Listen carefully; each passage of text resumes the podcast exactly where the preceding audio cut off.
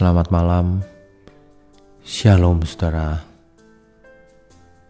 Di malam yang sesunyi ini, ada banyak orang kesepian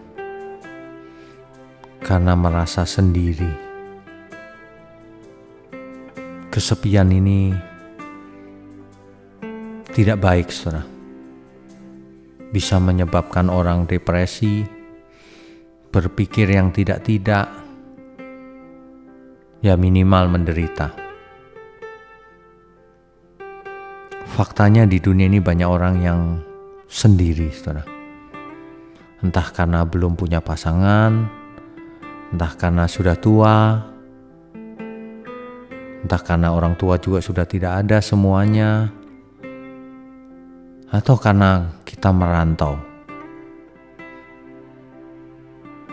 Jangan sampai saudara kesepian meskipun sendirian. Mengapa? Sebab Roh Kudus tinggal dalam diri kita.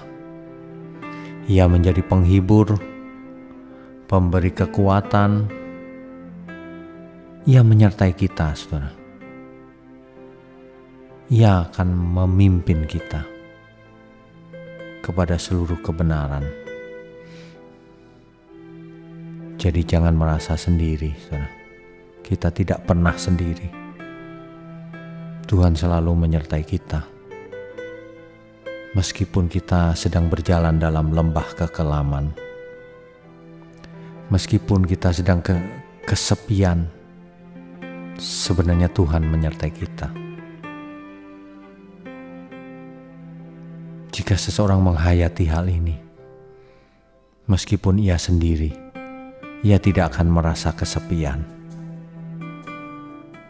Ia akan merasa tenang, damai, merasa aman, merasa terlindungi, seperti seorang bayi yang ada dalam pelukan ibunya. Mestinya kita semua begitu, saudara. Jadi, bagi saudara yang sendirian malam ini, ingat ya, saudara.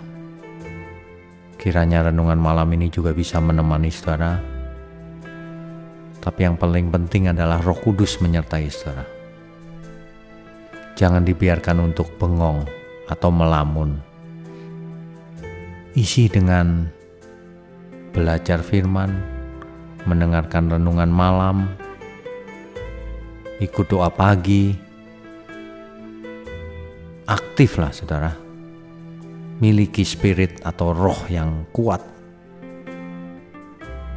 Jangan gampang depresi. Dunia ini memang banyak tantangan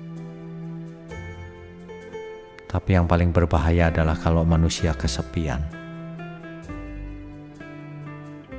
Oleh sebab itu, kiranya renungan malam ini memberi pengertian kepada kita, sehingga menguatkan setiap kita yang sedang sendirian. Selamat malam, saudara. Selamat beristirahat. Tuhan Yesus memberkati kita semua. Amin.